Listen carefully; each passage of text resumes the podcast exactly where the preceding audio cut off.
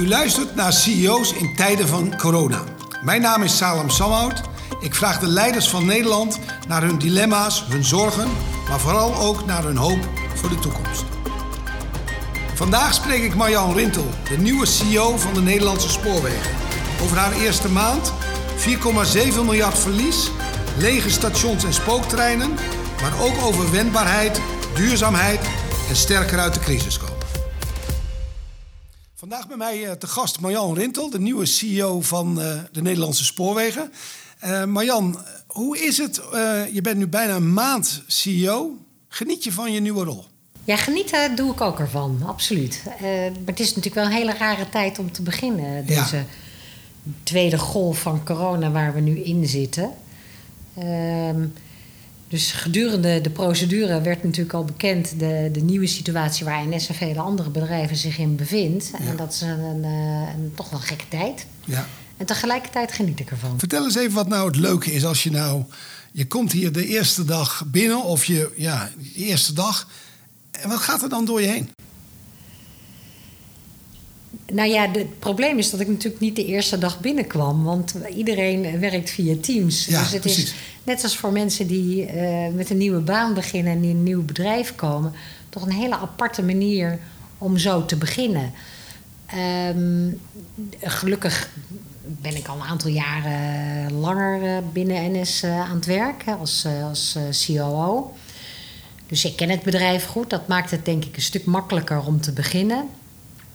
En dan, uh, dan, start je, dan start je in een nieuwe positie. En dan, ja, daar heb ik gewoon goed van tevoren over nagedacht. Wat wil ik allemaal doen en hoe wil ik het allemaal doen? Dus je begint gewoon met uh, nieuwe en frisse moed om uh, nou ja, ook weer alles even te, te herordenen voor je gevoel. En, en met je team aan het werk te gaan. De stakeholders te bezoeken, het bedrijf goed te leren kennen, ook werkbezoeken te doen in de moeilijke tijd van het land, van, in het land uh, in deze tijd.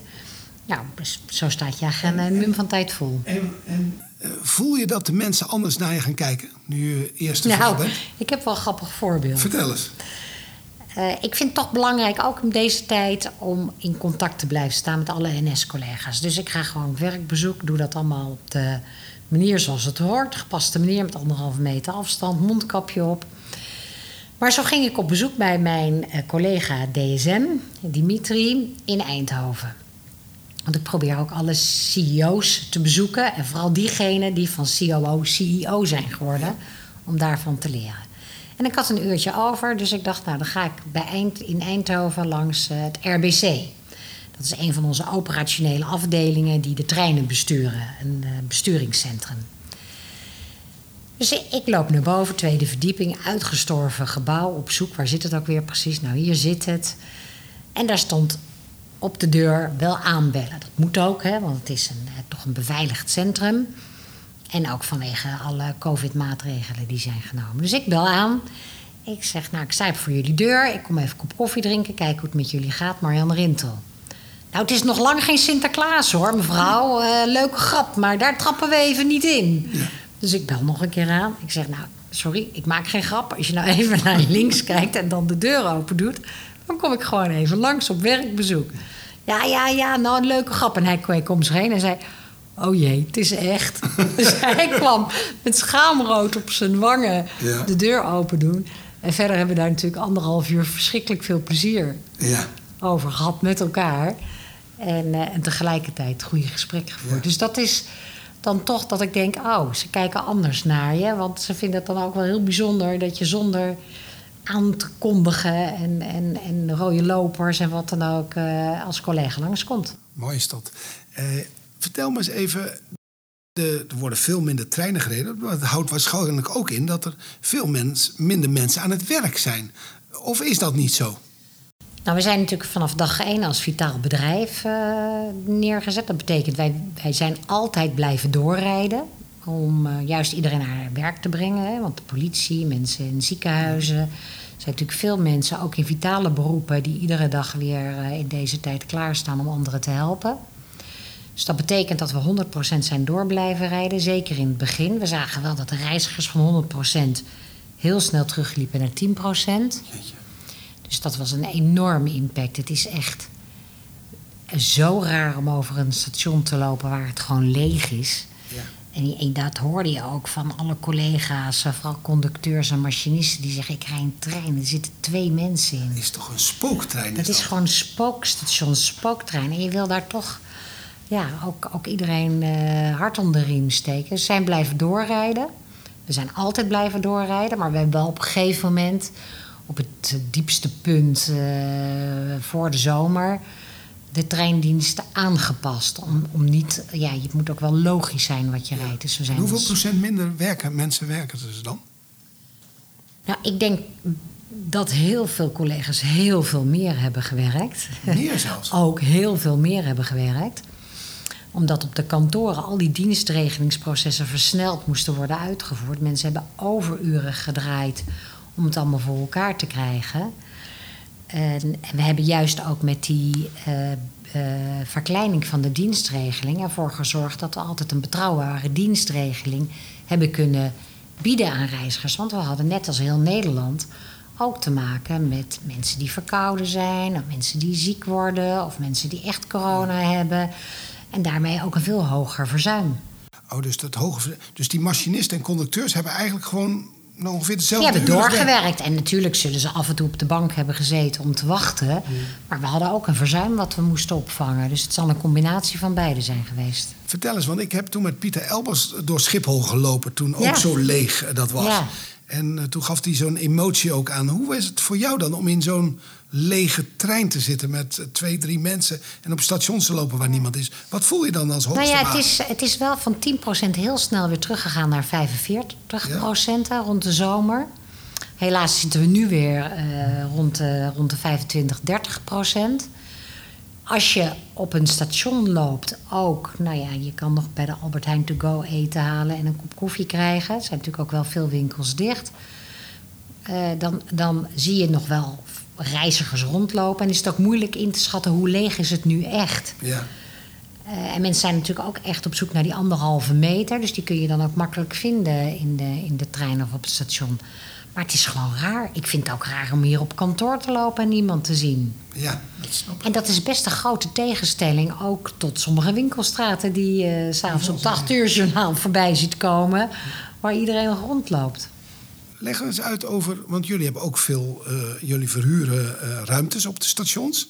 Hoe doen jullie dat als grote huurbaas? Want volgens mij zijn we best een grote huurbaas in Nederland. We zijn een heel, hele grote huurbaas. En gelukkig hebben we, ja, Anneke, mijn collega, die de stations runt, eh, ook heel goed contact met alle verhuurders en huurders. Eh, want wij, wij zijn ook nog zelf eigenaar natuurlijk of, Ja. van een aantal, van een aantal eh, winkels. En heel veel huurders. En in goed overleg met deze huurders proberen we wel gezamenlijk deze tijd ook door te komen. Het houdt in dat je ze ook huurverlaging geeft. En dat houdt zeker in dat we ze ook huurverlaging geven. Daar zullen ze wel blij mee zijn. Krijg je daar ook positieve brieven over? Dat ze je zo... Dat zal ik nog eens aan Anneke vragen. Ja, Eh, dat- Ik heb het zelf nog niet gezien, want iedereen heeft het natuurlijk heel moeilijk. Ja. Eh, maar ik denk wel dat het zeker op prijs wordt gesteld dat we daar met gezamenlijke krachten en veerkracht de crisis uit willen komen. En dat helpt. Vertel nog eens even, want jullie reizigersaantal stort in. Ja. Eh, dat houdt ook in dat jullie inkomsten instorten. En bij de KLM hoor je dan miljarden Ja. die zij verliezen, zeg maar. Maar Ja. bij jullie gaat dat ook wel in de honderden miljoenen, denk ik. Hoe Ja, is dat? zeker. En kun je vertellen over hoeveel geld gaat het nou, zo'n dit jaar en het jaar erop? Wat voorspellen jullie daar? Wat, Nou, wat we hebben voorspeld naar 2024 toe, is dat eh, we dan eh, 4,7 miljard verlies gaan leiden. En dat betekent dat wij eh, heel veel plannen op dit moment ook aan het maken zijn. Hoe kunnen we dat opvangen? Aan de ene kant kun je kijken met de overheid. Hoe gaan wij dat doen? Hè? Want we betalen voor het rijden van de treinen. En we zijn ook gevraagd om treinen te blijven rijden. Dus we hebben ook een overeenstemming nu voor. En wij noemen dat beschikbaarheidsvergoeding. Waarbij eh, de overheid ons tegemoet komt in onze kosten die we maken. Ja. Dus 93% van de kosten die wij maken dit jaar worden vergoed door de overheid. En ook tot volgende zomer eh, is een dergelijke regeling eh, voorzien. ja. Dat betekent niet dat alles gedekt is. Dus wij hebben ook aangegeven dat wij een eigen transformatie doen.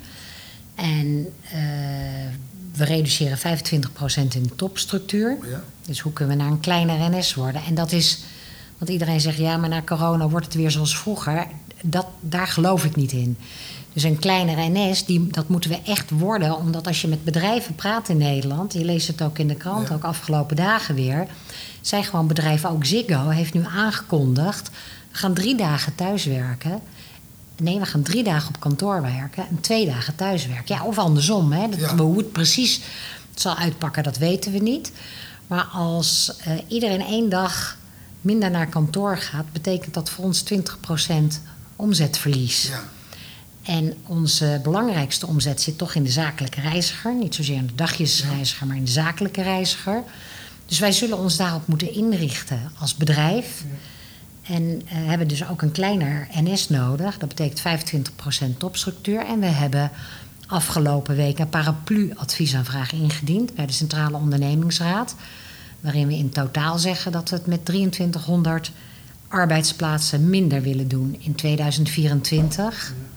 Ik heb dat. eh, en jullie hebben natuurlijk met de demografie, je krijgt natuurlijk veel natuurlijk verloop, denk ik. Ja. Dus er zullen niet zoveel gedwongen ontslagen eh, vallen. Ik zag dat ook bij de KLM. En nou, die hadden dan 4500, als ik het goed Ja. uit mijn hoofd eh, zeg. Maar als dat niet aantrekt meer, zou je soms denken ook wel... zijn er nog veel zwartere scenario's te, te voorzien? Nou, we- ze hebben al van het meest negatieve scenario zijn we uitgegaan. Eh, wat, wat deze tweede coronagolf nog met zich mee gaat brengen en hoe het financiële plaatje er dan uit komt zien, dat hebben we nog niet doorgerekend. Dat weten we ook nog niet. We zitten net in, eh, in week drie. Ehm, maar het zou er nog zwarter uit kunnen zien, zeker. En zeker als het nieuwe normaal eh, er zo uitziet, als we het nu om ons heen horen, dan ga je echt naar een heel ander model toe. Want als iedereen drie om twee eh, naar kantoor gaat, dat betekent dat wij 40% van onze omzet op een andere manier moeten invullen. En dat kun je wel doen. En ik vind, we hebben het nog niet gehad over duurzame mobiliteit. Het lijkt wel alsof we dat in, in deze gehele crisis toch een beetje naar de achtergrond verdwijnt. Terwijl voor de generaties die nog gaan komen, we toch een, ook een leefbaar Nederland achter willen laten. Laten we, ik kom zo nog terug op duurzaamheid. Dat is natuurlijk een belangrijk thema. Maar toch nog even, het wordt nog eh, zwarter. Je bent een beginnend eh, CEO, of de nieuwe CEO.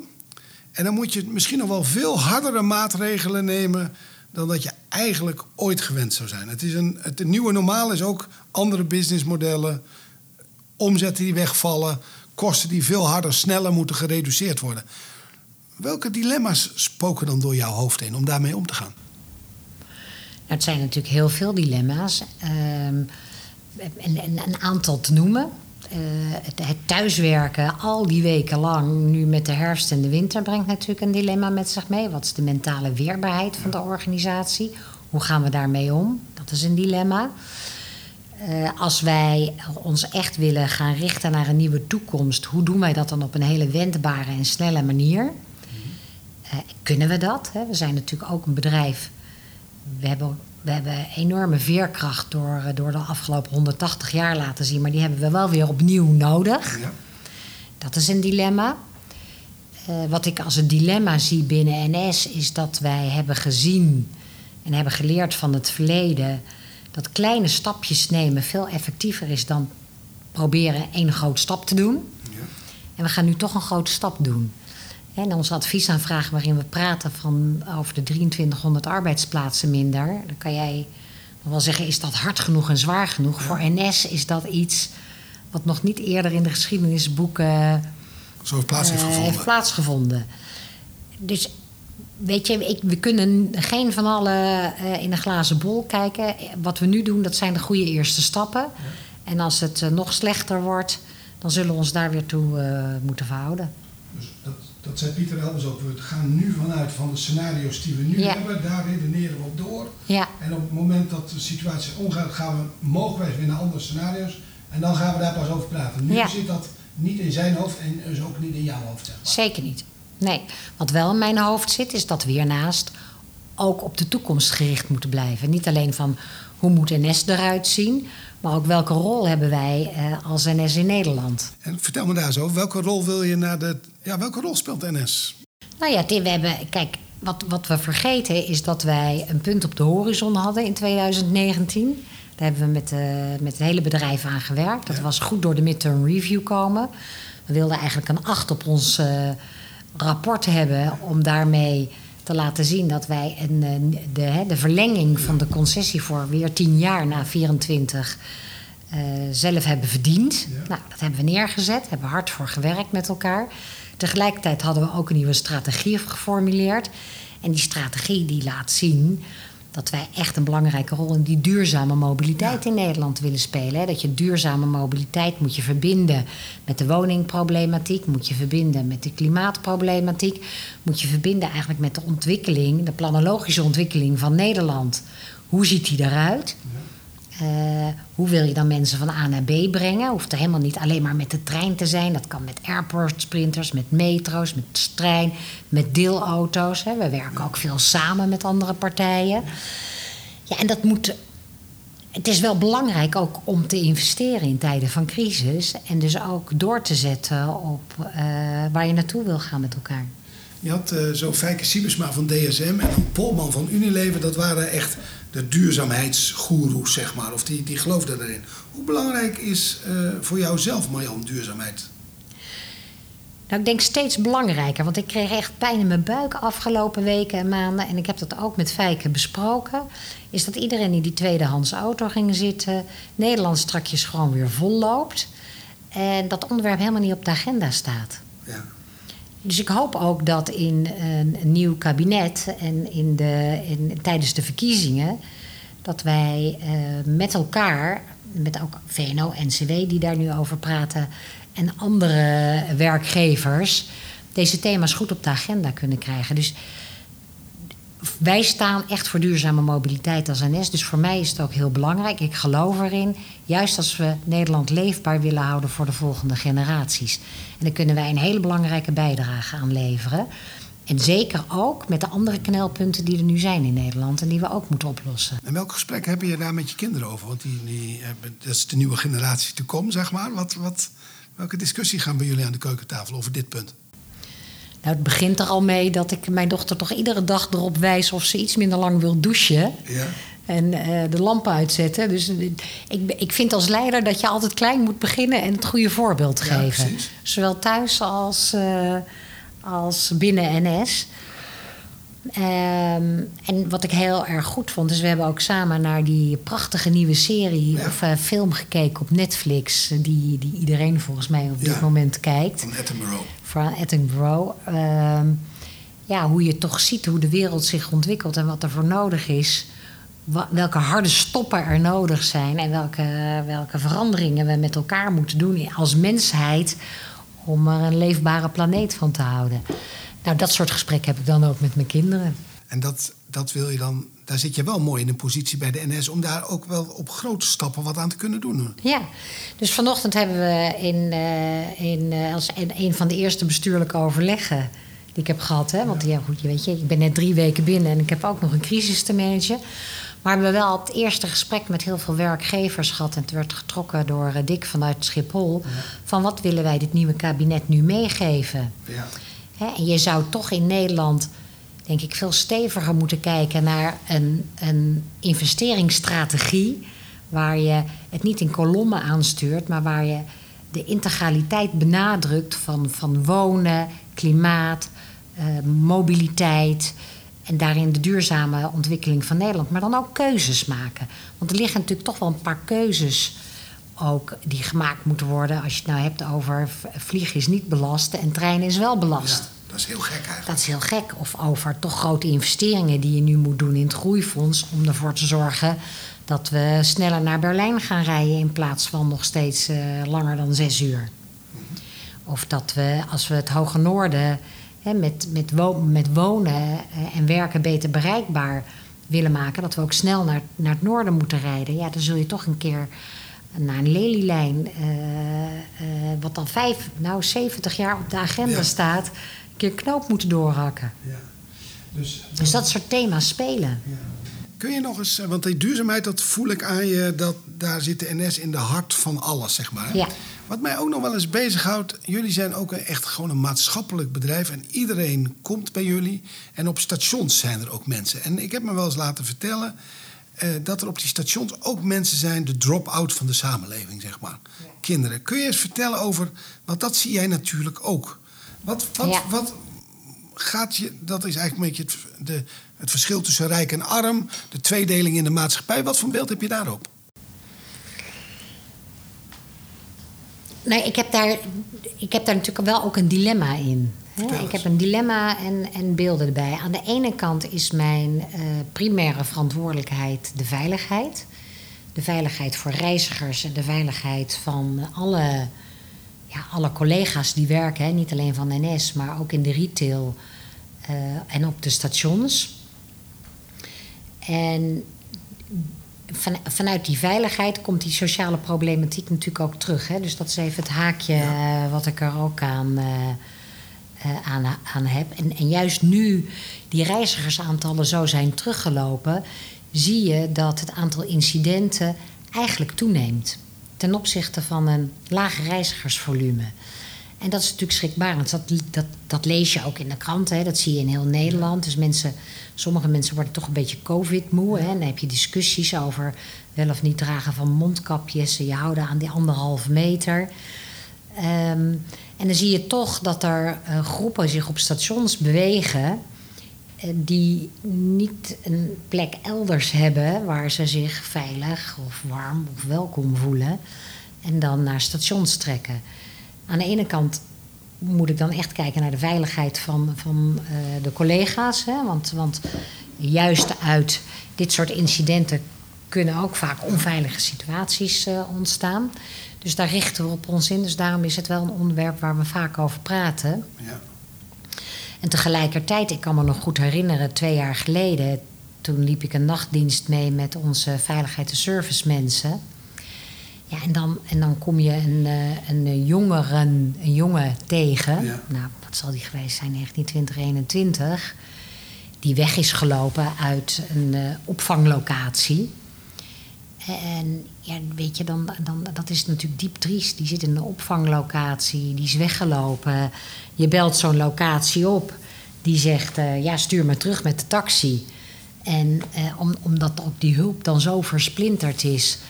Gelukkig zijn er inmiddels psychoambulances. Maar, maar ja, wij gaan dan gewoon zo'n jongen naar huis brengen. Ja. Hè, en het feit dat er jongeren, hè, tussen de, ik heb wel eens gehoord 30.000 jongeren tussen de 19 en 21, die dakloos zijn omdat die tussen de systemen invallen, dat is natuurlijk verschrikkelijk. Wat zegt Ja. jouw moederhart dan? Ja, mijn moederhart zegt: hoe komt het nou dat die groep tussen wal en schip valt? Hoe kan het nou in een land als Nederland, waar we het allemaal zo goed hebben, dat er 30.000 jongeren rondlopen en geen dak boven hun hoofd hebben? Dat is verschrikkelijk. En Ja. ik ben natuurlijk heel erg benieuwd. En daar heb ik ook al de eerste gesprekken over. Hoe dat dan werkt en wat we daaraan kunnen doen. En een van die instanties, en ik wil niet zeggen dat alle jongeren onder deze instantie vallen. Maar een van de instanties is natuurlijk de 113 hulplijn. Eh, ook specifiek voor een aantal doelgroepen die hulp nodig hebben, omdat die niet in het systeem passen.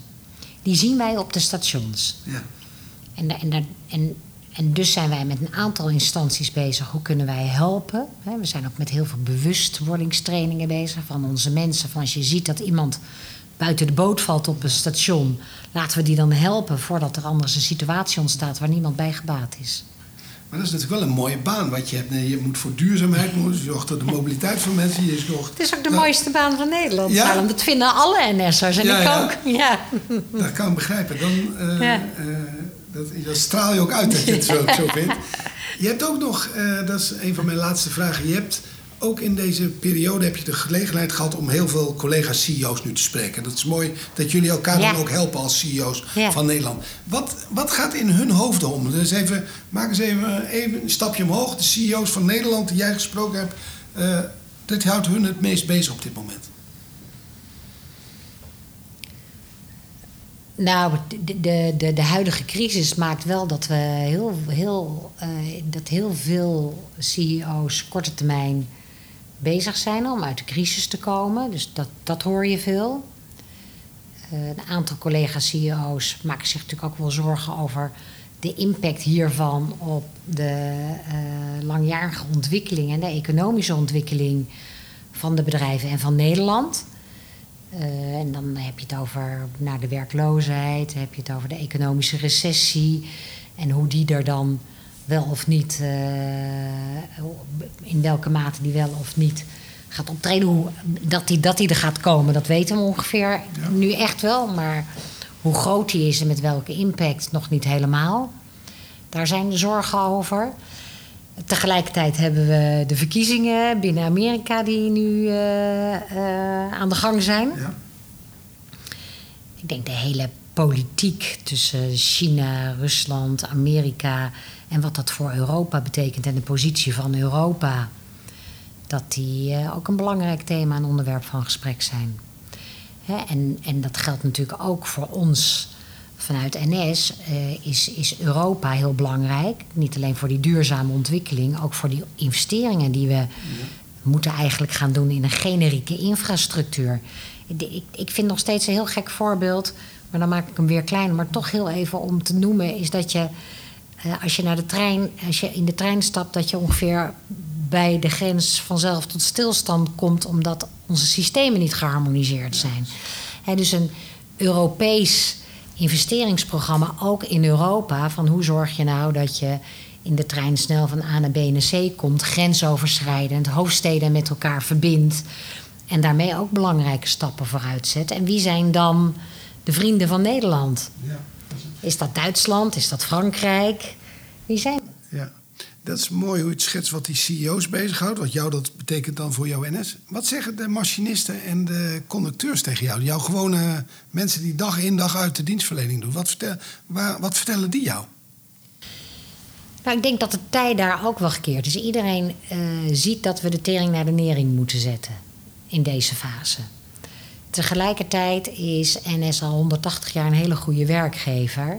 En zal er ook nog wel een diep vertrouwen zijn in NS als werkgever naar de toekomst toe. Uh, en niet alleen machinisten en conducteurs, maar iedere NS'er die het vraagt, die zegt altijd twee dingen. Mijn baan is de mooiste binnen ja. NS. En als ik kijk naar mijn werkgever, dan uh, is dat een betrouwbare werkgever die uh, ook prima voorwaarden heeft voor mij. Deze crisis baart mensen natuurlijk wel zorgen naar de toekomst toe. En tegelijkertijd zien eh, de collega's ook dat werk gaat veranderen. Want dan heb je het weer over digitalisering. Hè? Daar hebben we het nog niet over gehad. Maar heeft impact op, op ieders werk. Hè? Dus arbeid naar de toekomst gaat veranderen. Daar komt deze crisis eroverheen. Dus, dus veranderingen zijn aan de orde van de dag. Um, en, tegelijkertijd hebben we het aangegeven dat wij als werkgever ook onze verantwoordelijkheid willen pakken en iedereen van werk naar werk willen bewegen. Dus ik denk een beetje dat het van, van beide is. Hele goede werkgever, ik hou van mijn baan, maar wel zorgen over nu en de toekomst. Uh, de laatste vraag. Uh, heel veel Nederlanders uh, die maken zich best zorgen. En die, jij bent een vrolijk mens en je hebt ook een positieve blik. Welke hoop zou je naar de toekomst willen, aan de mensen willen brengen? Welke hoop is er? Dat de ellende komt, dat is duidelijk. De komende jaar, komende twee, drie Maar wat geeft jou de, ja, je eigen kracht? Of wat, welke hoop kun je doorgeven aan de gewone Nederlander? Nou, laat ik beginnen bij de gewone NS'er. Ja. Kijk, openbaar vervoer zal er altijd zijn. En we hebben gewoon met elkaar uh, een. Uh, nou, de, we hebben nog niet afgesproken hoe, hoe, hoe lang de volgende concessie zal zijn. Maar we hebben in ieder geval afgesproken dat NS de volgende concessie weer gaat rijden. dus, dus we rijden hier nog zeker 10 tot 15 jaar in Nederland. Ja. Voordat we weer opnieuw de discussie gaan voeren. Dus weer here to stay. Uh, duurzame mobiliteit gaat ook alleen nog maar belangrijker worden. Willen wij uh, leefbaar zijn naar de toekomst. We, we, we gaan deze crisis aan met elkaar. Uh, als we het goed doen, komen we daar ook sterker uit. Kunnen we daar de goede afwegingen in maken. En, dan, en dan zie ik dat er ook voor iedereen in Nederland een plek is. Hè? Als we het met elkaar doen. De, banen zullen veranderen, maar er zullen ook heel veel nieuwe banen bijkomen. En als we nu de juiste beslissingen nemen, dan denk ik ook dat we nog veel beter en eerder opkrabbelen dan we denken. En eh, dan, dan, denk, dan, dan ziet de toekomst er uh, Positief toch uit. weer rooskleurig uit. Maar het zal wel hard werken worden. Ja.